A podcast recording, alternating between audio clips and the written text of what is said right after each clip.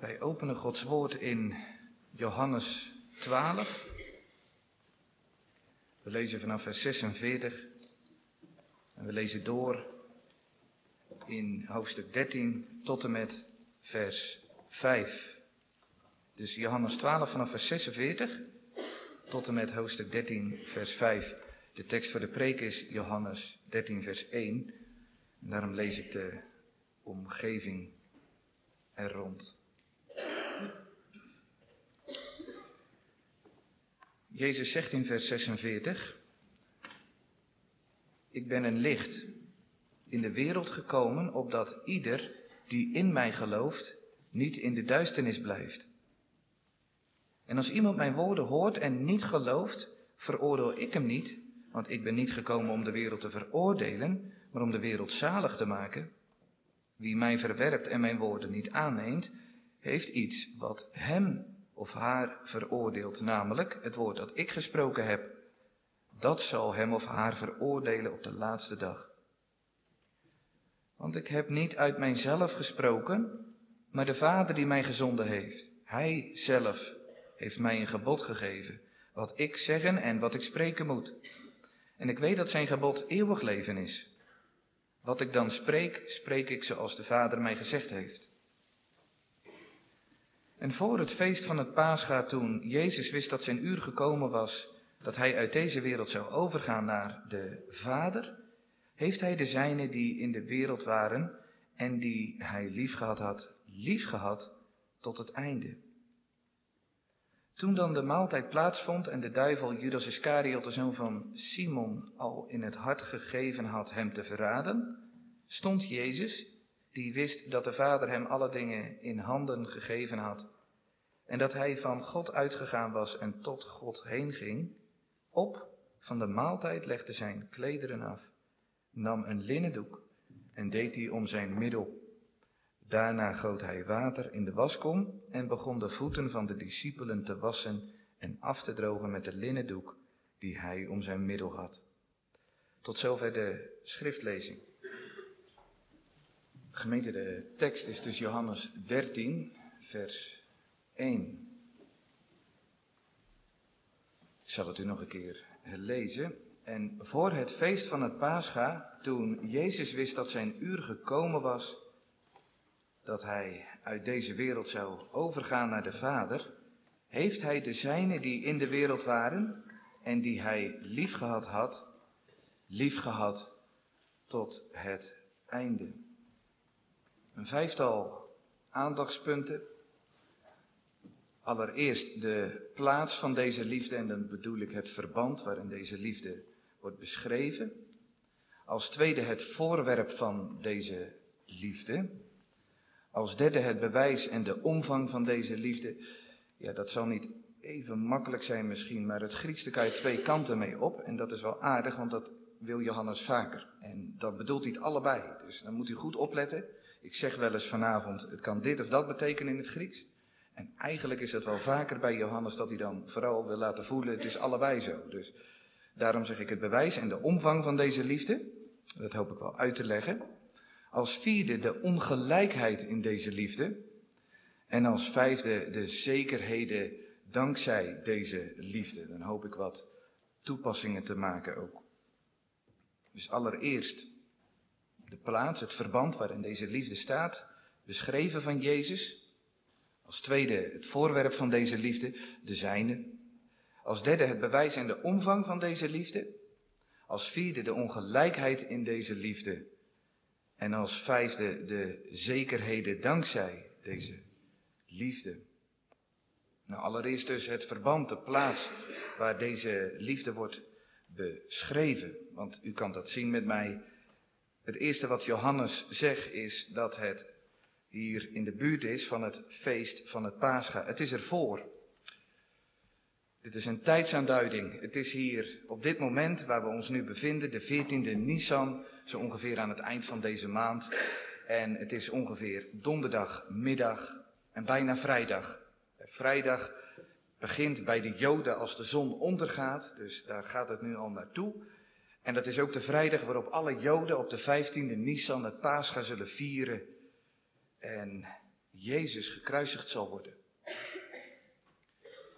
Dus de tijdsaanduiding waar Johannes mee begint in vers 13 wijst erop dat wij hier kijken naar de laatste dag in Jezus' leven. Tenminste, aan deze kant van het graf. Hij stond natuurlijk op. We bevinden ons nu voor het moment dat hij tenminste over enkele uren verraden zal worden. De discipelen zullen hem verlaten. Hij zal via de hoge priester en via de rechtszaal van Pilatus, de Via Dolorosa, gaan naar Golgotha. Om daar gekruisigd te worden op vrijdagmiddag. En ook zijn laatste adem uit te ademen. Dus vanaf het begin van dit hoofdstuk, hoofdstuk 13, lezen we over Jezus' laatste levensdag. Johannes, de schrijver van dit evangelie, begint vanaf dit moment een nieuw deel in zijn evangelie. Er zijn inmiddels ook alle uitleggers het over eens. Maar dat kan u als leek kan dat vanavond gewoon aanvoelen. En daarom lazen we ook dat stukje ervoor. Want als je hiervoor kijkt naar waar we ons bevinden, dan zie je dat Jezus nog steeds bezig is met zijn openbare optreden te midden van de Joden. Er is conflict om hem. En dan in hoofdstuk 13, dan sta je plotseling op een ander moment in de tijd. En ook op een andere locatie. We bevinden ons niet meer in de buitenwereld, maar opeens is het de laatste dag van Jezus, bevinden we ons in een kamer boven in het huis van Jeruzalem, waar een maaltijd bereid is. En vanaf dit moment zal Jezus, als hij nog optreedt, juist optreden in de privésfeer te midden van de twaalf.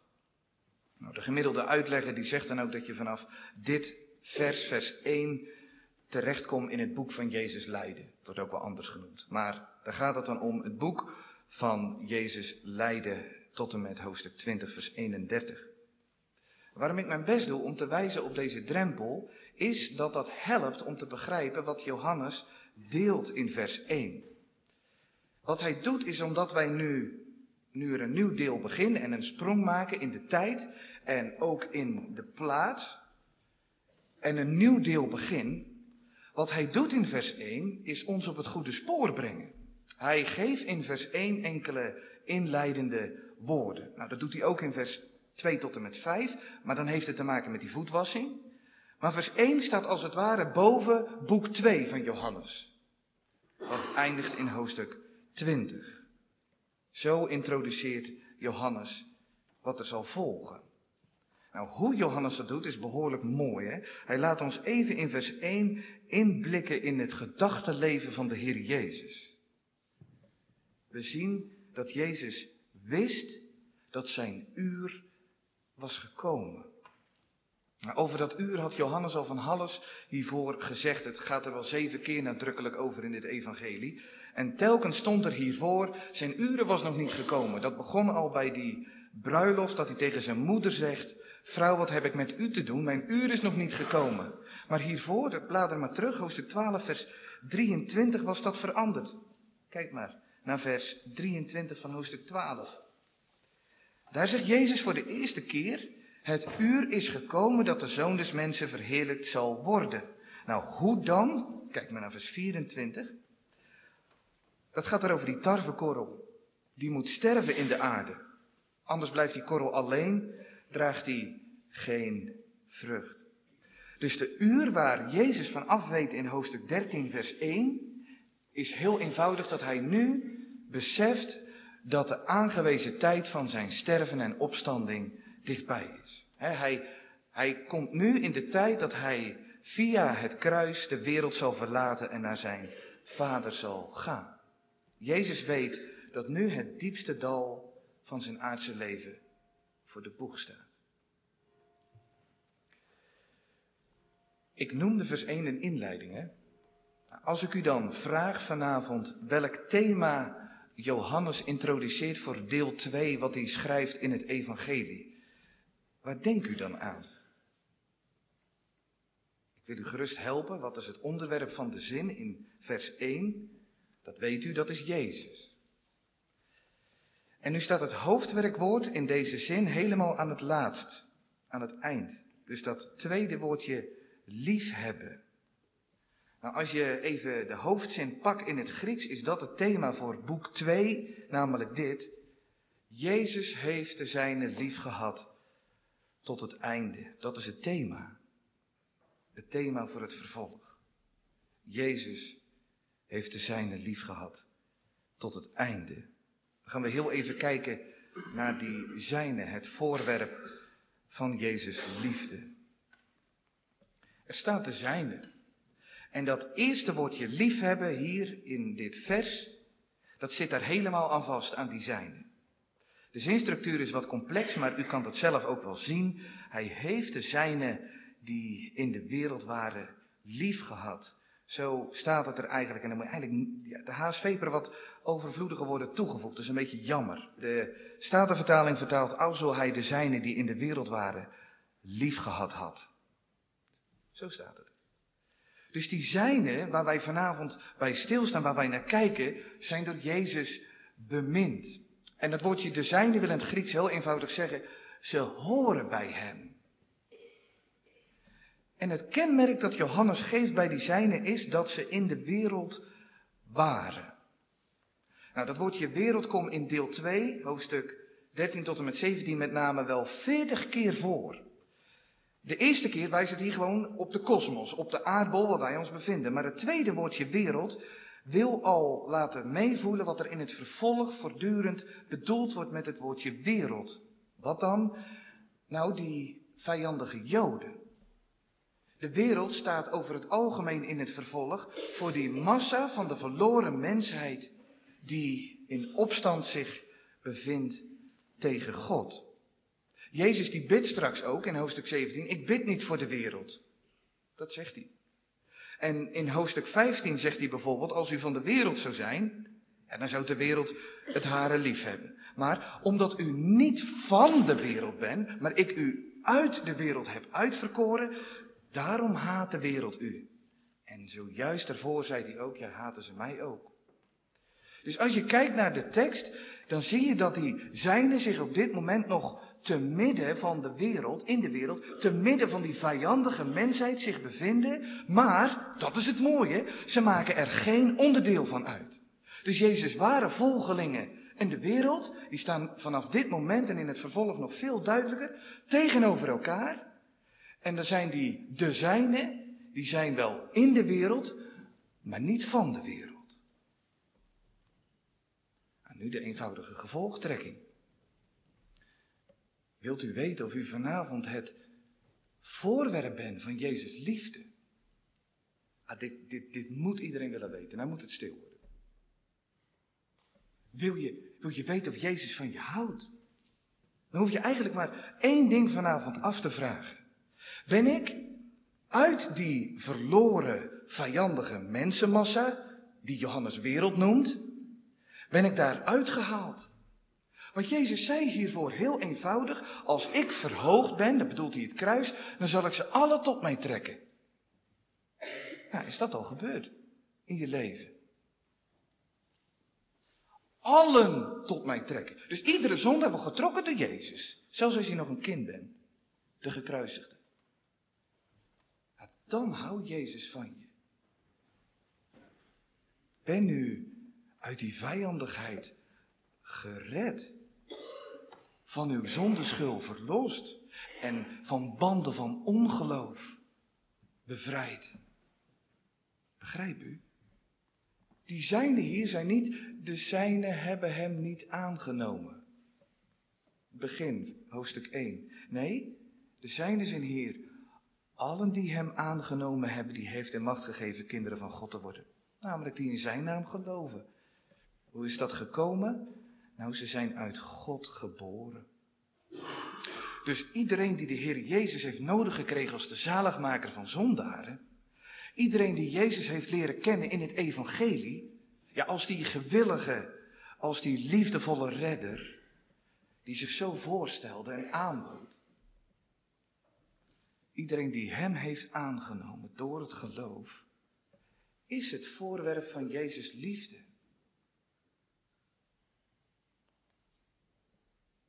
Ben u geliefd door Jezus? Machtig. Je bent eruit gehaald. Daarom zongen we Psalm 116.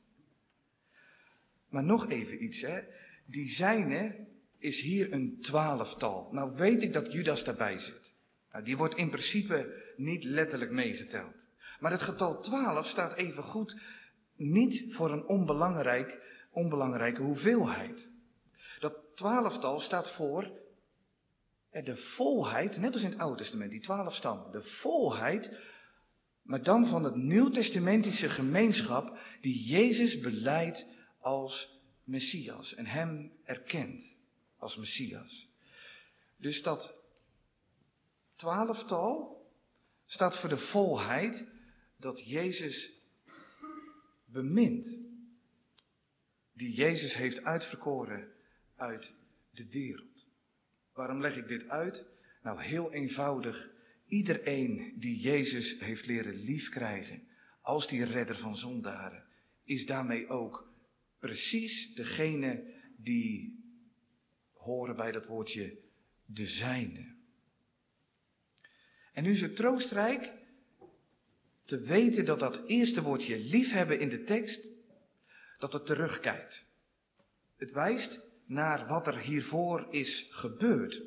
Als je het vrij vertaalt mag je zeggen, Jezus had de zijne al die tijd al lief. Dus vanaf het begin van zijn optreden.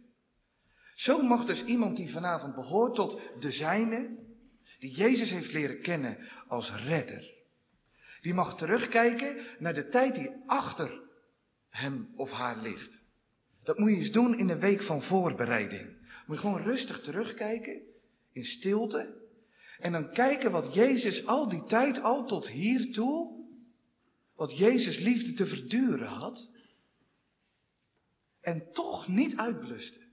Want dat wordt hier bedoeld. Er was hier al heel wat gebeurd in het leven van die discipelen. Er was traagheid, er was ongeloof, er was onbegrip, er was ronduit zonde. Er waren zelfs woorden, ga achter mij weg, Satanas. En er staat hier in dit vers, tot hiertoe had Jezus ze al die tijd lief. Dat is toch machtig? Moet je zo eens terugkijken in je leven, als je hoort tot de zijne. Niets kon die liefde uitblussen. In het begin al niet, die onkunde en onwilligheid, toen Jezus doorbrak hè, als die zaligmaker in uw leven. Maar ook niet daarna, toen u in het, begon, het begin het zo moeilijk voor waar kon houden. En telkens wankelde en twijfelde. Jezus had de zijne vanaf toen tot dit moment helemaal lief. Dat is toch machtig? Dat is toch machtig? U weet toch wel wat er gebeurd was bij die discipelen en bij uzelf. Hij had ze lief, zegt Johannes.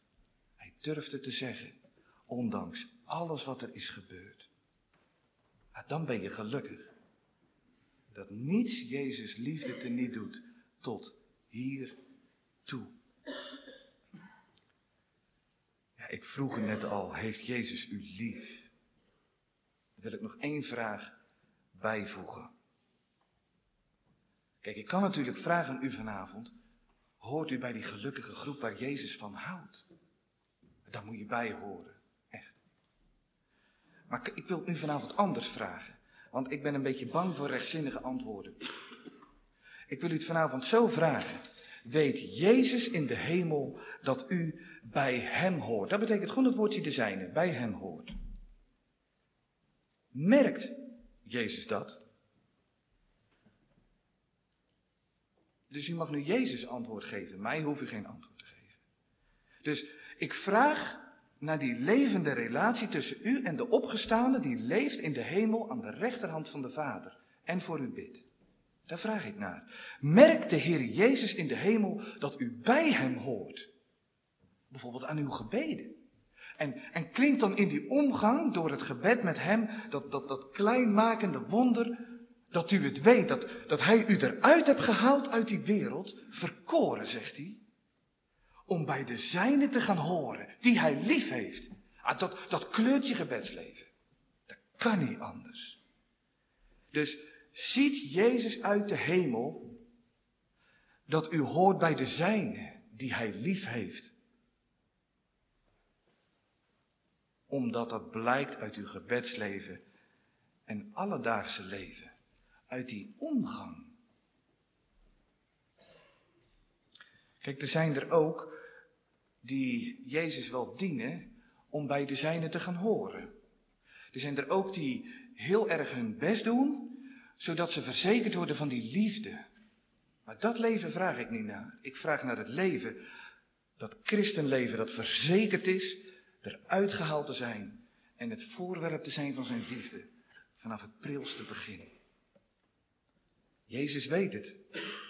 Hij leeft. Hij heeft als mens gewoon gevoelens op dit moment die hem raken. Nou merkt Jezus dat u bij die de hoort, die hem lief hebben. Goed, vooruit. Dan gaan we naar het derde punt, daar wilde ik al heel graag naartoe. Het bewijs en de omvang van deze liefde. Het lastige wat ik tot heden een beetje heb laten liggen is dat het eerste werkwoordje, liefhebben, in het Grieks een deelwoordje is. Een participium. En dat is het mooie, en dat wordt ook heus wel bedoeld door Johannes, dat kan je op twee manieren vertalen. De Statenvertaling heeft het redengevend vertaald. Alzo, zeggen ze. Dus je, je mag het ook zo zeggen. Omdat Jezus de zijne lief gehad had, heeft hij hen lief gehad tot het einde. Dan is de reden dat Jezus tot het einde lief had, dat hij al de zijne al hartelijk lief had. Dan wil deze vertaling van het werkwoord onderstrepen dat Jezus van meet af aan, vanaf dit moment, van harte gemotiveerd was om de zijne tot het einde lief te hebben. Dat betekent dat niets dat kan stoppen. Wie hij in zijn hart vast heeft gesloten, die zal hij volharden lief te hebben, wat er ook gebeurt. Omdat hij ze al lief had, had hij ze lief tot het einde. Nou, dat is toch een machtige gedachte. Dat kan je nooit meer uit zijn hart. Maar je mag het werkwoordje ook anders vertalen, concessief, wie grammatica hebt gehad, maar dat moet je gauw vergeten.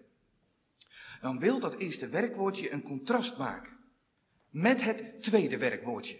Dus het eerste liefhebben wil dan een contrast maken met het tweede liefhebben. Dat komt dan hierop neer. Al had Jezus de zijne al lief, tot hiertoe, veel meer laat hij dan zijn liefde zien in het liefhebben tot het einde. Dat is het contrast. Hè? Al had hij ze lief, veel meer dan. En dan wijst het tweede woordje liefhebben vooruit. Hè? Naar wat er komen gaat. Het eerste woordje liefhebben wees terug naar het verleden. Het tweede woordje liefhebben naar wat er voor de boeg ligt. dan wil het Grieks dit laten voelen. Ja, dat is prachtig. Dat Jezus alles wat hij vanaf dit moment doet, dus alle acties, het zwijgen, het spreken, al zijn handelen, dat dat onderdeel uitmaakt van Jezus liefde. Dus dan is de voetwassing zijn liefde. Er zijn die pastorale woorden. In het huis mijn vader zijn vele woningen. Is zijn liefde. Zijn hoge priesterlijk gebed voor de zijne is zeker dan zijn liefde, maar ook het afgrijzelijke wat daarna zal gebeuren, zijn liefde. Het kermen in de hof, zijn liefde. De judaskus, zijn liefde. De vuistslagen, zijn liefde. Het gegezeld worden, zijn liefde. Het ontbloot worden, zijn liefde. Het bespot worden, zijn liefde. De verwerping, zijn liefde. Alles wat hierna wordt beschreven, na dit inleidende zinnetje, is dan allemaal onderdeel van Jezus liefde, zegt Johannes. En dat zeg ik nog een keer, dat moeten we even snappen. Dit woordje. Het is alles onderdeel van Jezus liefde. Kijk, wij denken vaak, Jezus doorstaat het lijden uit liefde. Maar dat wil het Grieks niet laten voelen. De lijdensweg zelf is Jezus' manier om zijn zeldzame liefde te bewijzen aan al de zijnen. Het lijden is dus niet slechts maar een vervelende bijkomstigheid voor de zijnen, als hij ze redt. Zoals blaren aan je voeten een vervelende bijkomstig zijn als je die lange bergwandeling maakt en dat prachtige landschap ziet. Dat is een vervelende bijkomstigheid, blaren. Maar het is de moeite waard. Nee, zo is het lijden niet voor Jezus. Het lijden is liefde. En liefde is zijn lijden. Ieder detail van Jezus' leven vanaf dit moment tekent Jezus volle liefde. Dus iedere pijnscheut in zijn rug, als het vlees uit zijn rug wordt gerukt door gezelslagen, maakt onderdeel uit van zijn liefde. Zo concreet is het. Iedere punt die in zijn schedel steekt, is eigenlijk dus een hartelijke liefdesbrief aan al de zijnen. Zo heb ik u lief dat ik verraden wil worden. Zo heb ik u lief dat ik die splinters van die ruwe kruispaal vertraag. Zo heb ik u lief dat ik het accepteer dat er nagels door mijn handen gespijkerd worden. Zo heb ik u lief. Dit is mijn bewijs, christen. Dit is mijn bewijs. Alles wat je ziet maakt onderdeel uit van mijn liefde die op u gericht is. Het is geen bijkomstigheid. Alles wat Jezus onderging aan gruwelijk lijden was voor hem concrete liefde. Hij deed dit van harte. Hij deed het graag. Hij deed het met hart en ziel. Om zijn liefde zo concreet mogelijk, zo duidelijk mogelijk te bewijzen. Dat wil het Grieks laten voelen. Al had Jezus de zijne al lief tot hiertoe, veel meer, die laatste dag, veel meer laat dat Jezus liefde zien tot het bittere eind. Dit is zijn liefdesbrief, die hierna volgt.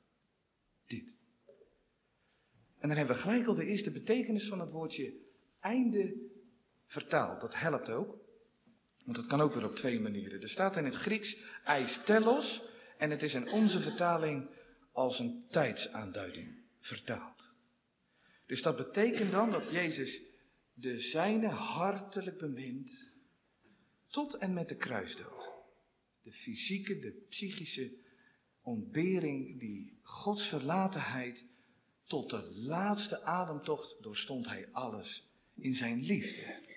Nou, wil je voorbereiden op de tekenen van zijn liefde volgende week? Zou ik maar eens die laatste dag bestuderen, want dat is zijn liefdesbrief. Zo had ik u lief dat ik dit. Zo had ik u lief dat ik dat. Lees je vooruit. Dan zie je Jezus zelf verlogenende liefde als hij zich onterecht laat beschuldigen voor u. Zie je Jezus volhardende liefde als hij door uitputting haast bezwijkt. Maar volhardende liefde had hij om ook die paal te dragen en door te gaan tot het bittere eind. Je ziet zijn onzelfzuchtige liefde als hij zijn eerbaarheid opgeeft. Je ziet zijn schuldbetalende liefde als hij de buitenste duisternis ingaat en leidt. Je ziet zijn zelfopofferende liefde als hij het leven geeft. Dus lees je Jezus liefde tot het einde als tijdsaanduiding. Ah, dan zie je vanaf dit moment dat Jezus liefde op alles behalve zichzelf gericht is. Hij denkt tot het einde niet meer aan zichzelf, daar moet je over nadenken. Hij denkt alleen nog maar aan u als u bij die zijne hoort. En aan zijn vader. Hij heeft geen andere gedachten, geen andere verlangens, geen ander doel. Dit leeft in zijn hart, vol van liefde. Hij komt niet meer op voor zichzelf. Hij geeft lichaam en ziel helemaal opnieuw uit liefde. Straks zal Jezus zeggen, niemand heeft groter liefde dan deze, als iemand zijn leven aflegt voor zijn vrienden. Maar het Griekse woordje eistelos heeft nog een nuance waar Johannes ons zeker aan wil laten denken. En dan is het niet een tijdsaanduiding, maar dan is het iets wat de kwaliteit of de intensiteit van Jezus' liefde wilde benadrukken. De MBV 21 vertaalt het zo. En zijn liefde voor hen zou tot het uiterste gaan. Tot het uiterste gaan. Dan wil het zeggen dat vanaf dit moment de lijdensweg de volle omvang van Jezus liefde toont, richting de zijne. Dus Jezus zal vanaf hier de grootheid van zijn liefde laten zien aan u, als u gered bent. Als Jezus dan vanaf dit moment straks de afgrond instapt van de buitenste duisternis en over dat duizelingwekkende randje stapt, om zo voor al de zijnen die afgrond van de buitenste duisternis te dempen, dan zegt dat iets over de omvang van Jezus liefde. Jezus liefde is dus breder, hoger, dieper dan die afgrond van de buitenste duisternis waar hij straks in stapt. Dat is zijn bewijs van zijn liefde. De omvang van zijn liefde.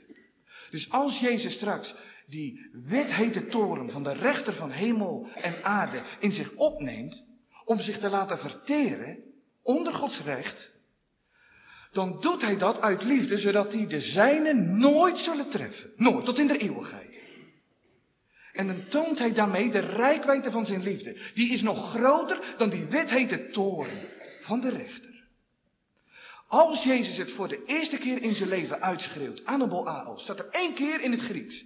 Als Jezus voor de eerste keer in zijn leven, mijn God, uitroept, met, met een schreeuw, omdat hij in de hel terechtkomt, dan schreeuwt hij daar om de omvang van die liefde te bewijzen, zodat u nooit zou hoeven te schreeuwen vanwege de godsverlatenheid. Dat is wat het dan zegt. Eis telos, tot het uiterste. Hij tekent daarmee de grote omvang van zijn onuitsprekelijke, grote liefde. Liefde, die naarmate hij het zwaarder te verduren kreeg, niet afnam. Liefde die naarmate de discipelen hem in de steek lieten en wat er gebeurde, niet afnam, maar meer en meer aanwakkerde, totdat het alles volbracht was, waar hij zijn liefdevolle hart op had gezet. Eis telos. Al verraadde Petrus hem, al lieten ze hem allemaal in de steek. Jezus' liefde was niet maar een flakkerend vlammetje. Jezus' liefde was ondanks wat er allemaal gebeurde. Al, al trapte die moordenaar op het hart van Jezus met al zijn bespottingen. Zijn liefde was een onuitblusbaar vuur van liefde. Hooglied 8 zegt, vele wateren kunnen de liefde niet uitblussen en rivieren spoeren haar niet weg. Als Jezus lief heeft tot het uiterste, en we weten wat hij moest verduren, dan betekent dat dat Jezus niet kan stoppen met liefhebben. Ook vandaag niet. Geen misstap, geen struikeling, geen brutale, moedwillige overtreding kan deze liefde uitblussen. Sterker nog, deze liefde tot het uiterste wil juist al het afstotelijke van de zijne hele. En daarom ging hij door tot het bittere eind. Al het verkeerde wil deze machtige liefde van Jezus tot de zijne rechtzetten. En daarom ging hij naar het vloekhout. Dus deze liefde is ook gemotiveerd en gericht om alle narigheid, alle beschuldigingen weg te nemen van al de zijnen, hoe afstotelijk het ook was. Dan gaan we nu naar het vierde aandachtspunt, de ongelijkheid in deze liefde.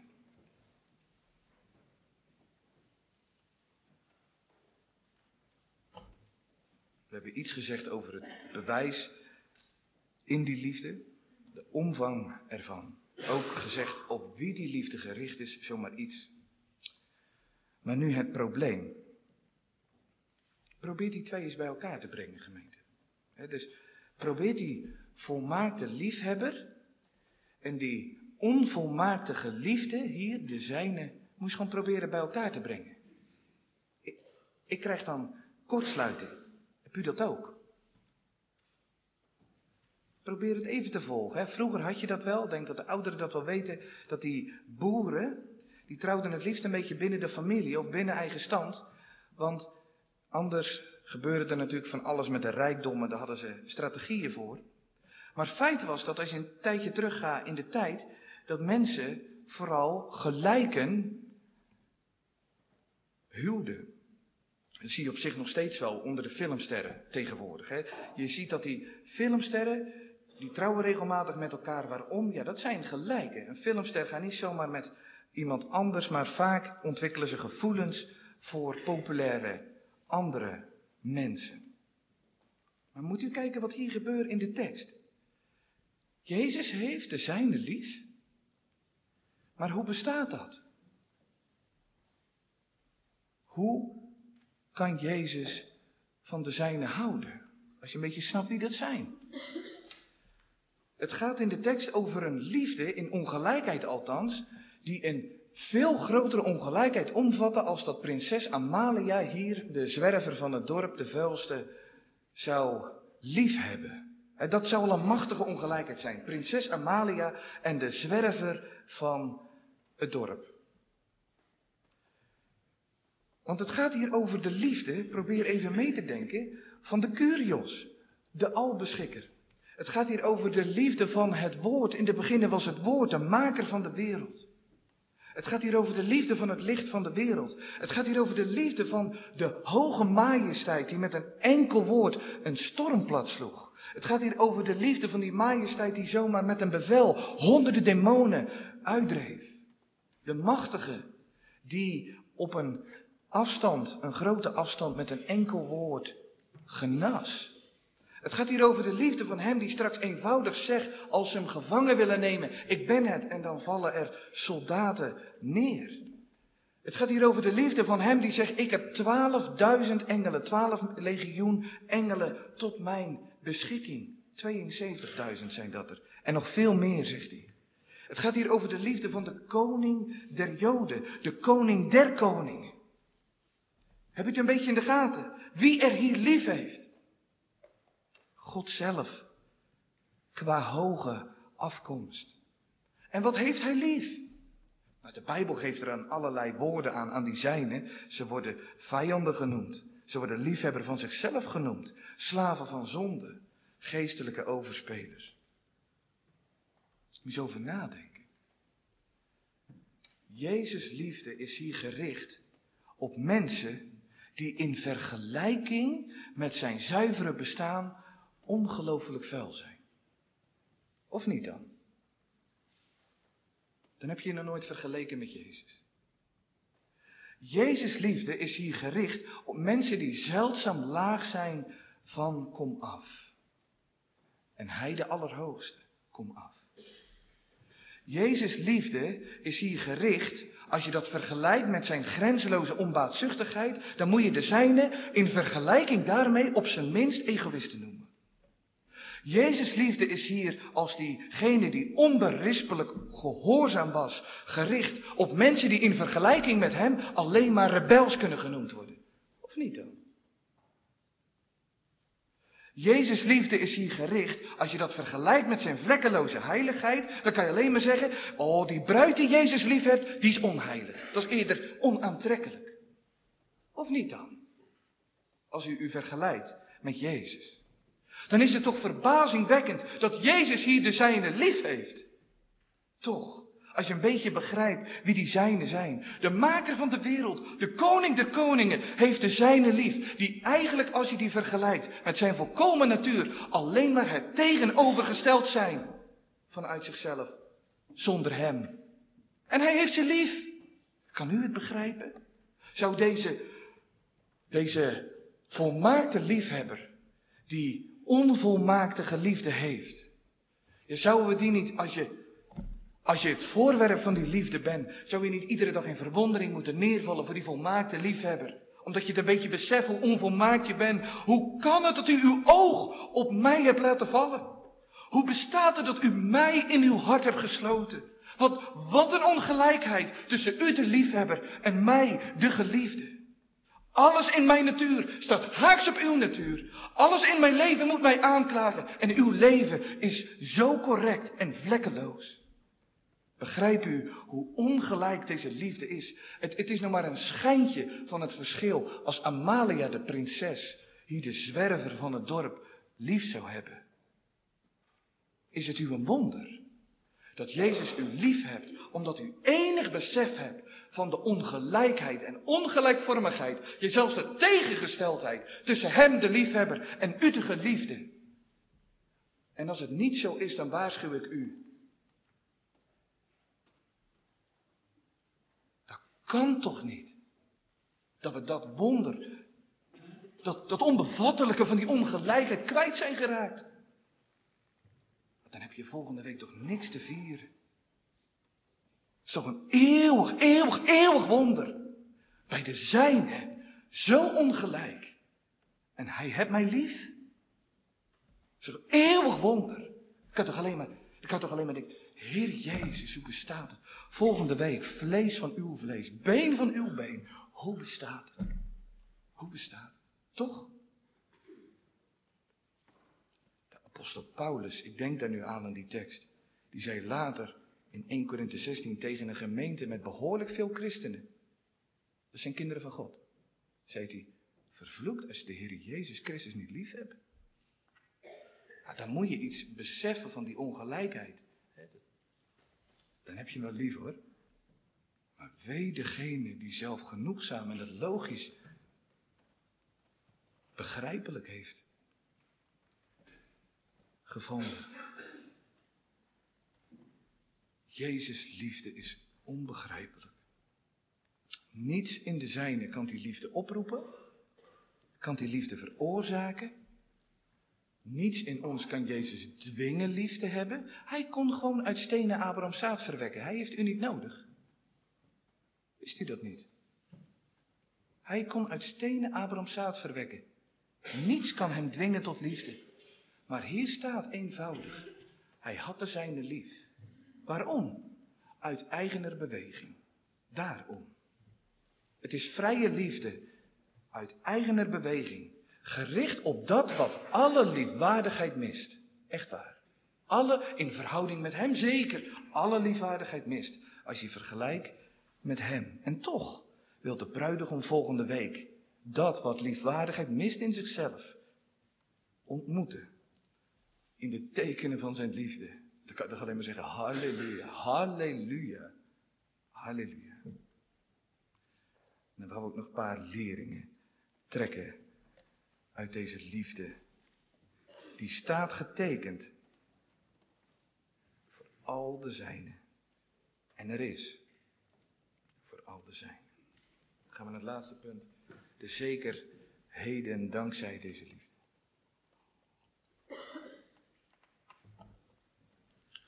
Eerst een open deur.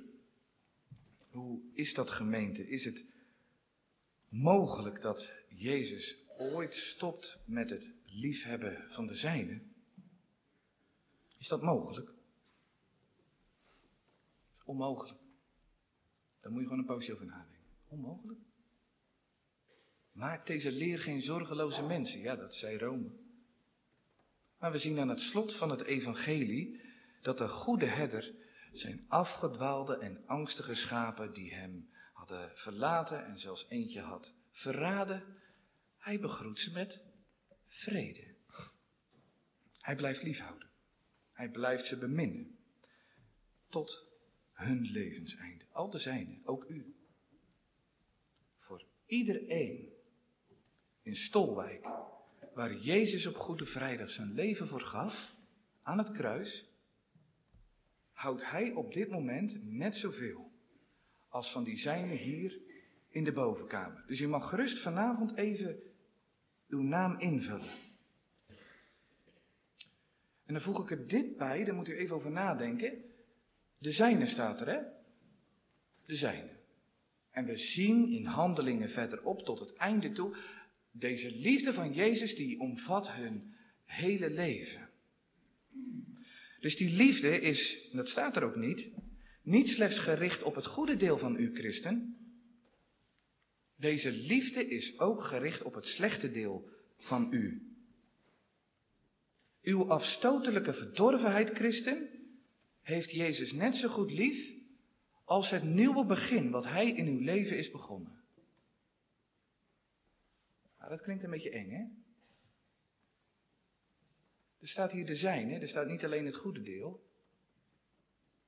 En je ziet het in de evangelie, hij heeft ze levensomvattend lief. En zo wordt het ook bedoeld hier. Ze zijn gevangen in zijn voorwerp. Maar goed, misschien klinkt het ongeloofwaardig voor een christen. Dan wil ik u vragen, en dat mag u me dan buiten de kerk uitleggen, wat als het niet zo was? Wat als Jezus liefde alleen gericht was op het goede deel van u? Was er dan hoop?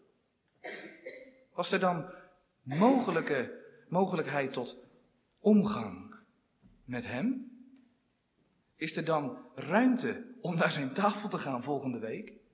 Dat slechte deel in u zou Hem toch afstoten en zou toch iedere omgang verhinderen? Nee, Jezus' liefde is levensomvattend. Hij heeft de zijne lief met alles erop en eraan. Het goede en het slechte. En daarom is er aan deze kant van het graf gelukkig al een relatie mogelijk met Hem. Dat moet vrijmoedigheid geven, christen, om volgende week aan te gaan. Hij heeft mij helemaal lief. En natuurlijk zeg ik er achteraan dat die levensomvattende liefde van Jezus niet alles wat u benadeelt en de omgang met Hem benadeelt, met rust zal laten. Dat doet Jezus niet. Zijn liefde is zodanig dat Hij alles wat omgang met hen verhindert en wat u benadeelt en zelfs voor u, tot uw ondergang dreigt, ja, al dat zal Hij in zijn liefde aanpakken en genezen. Absoluut. Nou, dat is ook evangelie. Maar even goed. Jezus heeft u helemaal lief. Het slechte deel ook, om dat aan te pakken. En het goede deel, om dat op te laten passen. Dat betekent dat Jezus u niet zal afwijzen. Want deze liefde staat er toch of niet? Als u hoort bij de zijne, heeft hij u lief. Hij zal u niet afwijzen als u opnieuw tot hem komt in een week van voorbereiding en de ontrouw van afgelopen tijd beleidt om er ook afstand van te nemen. Nou, dat is het eerste. Als tweede, als tweede zou ik u willen vragen, als Jezus zijn liefde zo concreet heeft bewezen, door in de afgrond van de buitenste duisternis te stappen om die voor u te dempen, en als Jezus werkelijk tot het uiterste ging om uw zaligheid te bewerken, is er dan één reden om te twijfelen aan zijn liefde? Is die er? Ik weet wel dat er christenen regelmatig twijfelen aan Jezus' liefde. Onder andere gebeurt dat omdat ze zo onverstandig zijn om Jezus' liefde af te laten hangen van de weg die ze moeten gaan hier in het leven. En ze laten die liefde van Jezus niet afhangen van de weg die Hij voor u moest gaan om het eeuwige leven te bewerken en de vergeving. Begrijp je wat er gebeurt dan? Dat moet u niet doen. We moeten Jezus liefde afmeten aan de diepe weg die Hij vanaf dit moment gaat om u te redden. Als borg. Dit is het grootste bewijs van zijn liefde, wil Johannes laten voelen. Hierin, in deze letters, vindt u Jezus' liefdesbrief aan u. Niet in de omstandigheden van het leven. Dat moet je niet doen. Groter dan de diepte van de hel blijkt Jezus liefde te zijn. Daarom stapte hij in de hel, om er doorheen te gaan op uw plaats en hem achter hem voor eeuwig op slot te doen en de hemeldeuren voor u open te zetten. Zo groot is zijn liefde. En nooit moet u anders denken over Jezus liefde, dan dat deze zo gericht is op u. Nu, op dit moment, als hij van zijn troon kijkt naar de gemeente. Zo staat het er toch. Volgende week als u twijfel hebt om dit te geloven, volgende week tastbare tekenen, dan mag je, dan mag je die liefde helsfeitelijk voelen. Helsfeitelijk voelen. Want daar ligt zijn liefde in de helsfeiten. Zijn onaflatende liefde. Als derde. Als Jezus liefde voortkomt uit hemzelf en niet afhankelijk is van uw liefwaardigheid, nou, dan moet u, christen, in een week van voorbereiding niet Jezus gaan bewegen tot liefde. Want dan gaat het helemaal fout. Dat kan niet. En ik vraag me trouwens af u, u dat wilt doen, want u heeft niets om Jezus te bewegen. Van waarde genoeg, zeg maar. Kijk, Jezus is anders als wij. Wij zouden ons laten bewegen tot het voorwerp van onze liefde. Tjoh, schattig meisje. Zo is Jezus niet. Nooit kan een zondaar zich Jezus liefde waard maken. Ik zeg het opnieuw. Vanwege de ongelijkheid tussen de volmaakte liefhebber, die alles in zichzelf heeft, en de onvolmaakte geliefde, die niets in zichzelf heeft en die het iedere dag moet beleiden, zonder u kan ik niets doen. Er staat, alzo hij de zijnen die in de wereld waren lief gehad had, zo heeft hij hen lief gehad tot het einde. En zo staat het ervoor. Omdat Jezus lief had. En lief had tot het einde. Daarom heeft hij lief. Uit eigener beweging. Onafhankelijk van u wel of niet liefwaardig zijn. Dus al ben u geweldig, nou ja, er slecht aan toe. Of iets minder slecht aan toe. Jezus heeft u lief. Ook met een liefde om weer relatieherstel aan te lenen, vergeving aan te reiken, om Hem in Zijn liefde te ontmoeten aan Zijn tafel. Dus vraag alsjeblieft deze week niet, hoe kom ik bij Jezus liefde? Maar aanvaard eenvoudig wat er u nu vanavond verkondigd wordt, dat er een oeverloze oceaan van Zijn liefde was, van het begin is op dit moment en zal zijn totdat u in de hemel komt waar u uzelf voor eeuwig mag onderdompelen in diezelfde oceaan van liefde die nu al op u gericht is. Ondanks alles. Petrus, heb gij mij lief? Jezus had Petrus nog lief. En natuurlijk is het gepast om berouw te betonen deze week over al die dingen als twijfel aan Jezus liefde. Of proberen die vrije liefde te gaan verdienen. Of veel erger, die duur betaalde liefde, waardoor Jezus het voor de eerste keer in zijn leven moest uitschreeuwen, te minachten door te zondigen. Nou, daar moet je van de week wel even op terugkomen tussen Jezus en u. Want dat is natuurlijk schandalig om deze liefde te minachten. De duur betaalde liefde.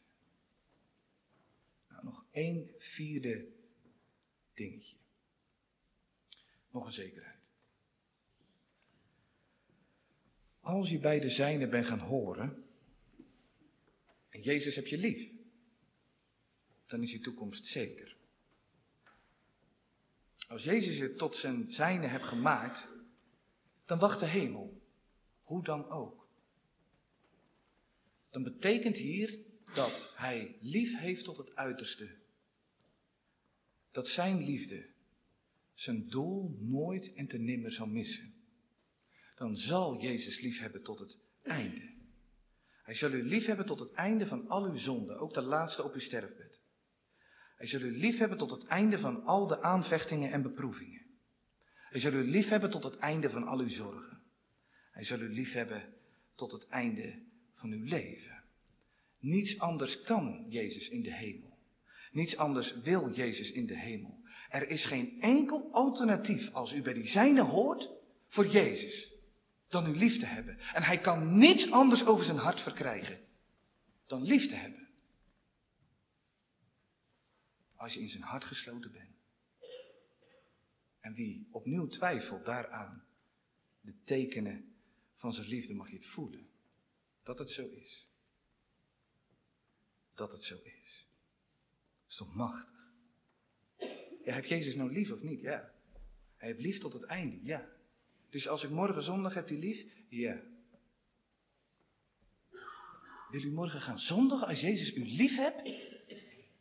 Snap u? Oh, ik zeg, ik zeg wel eens, en dat bedoel ik, bedoel ik niet iemand persoonlijk mee, maar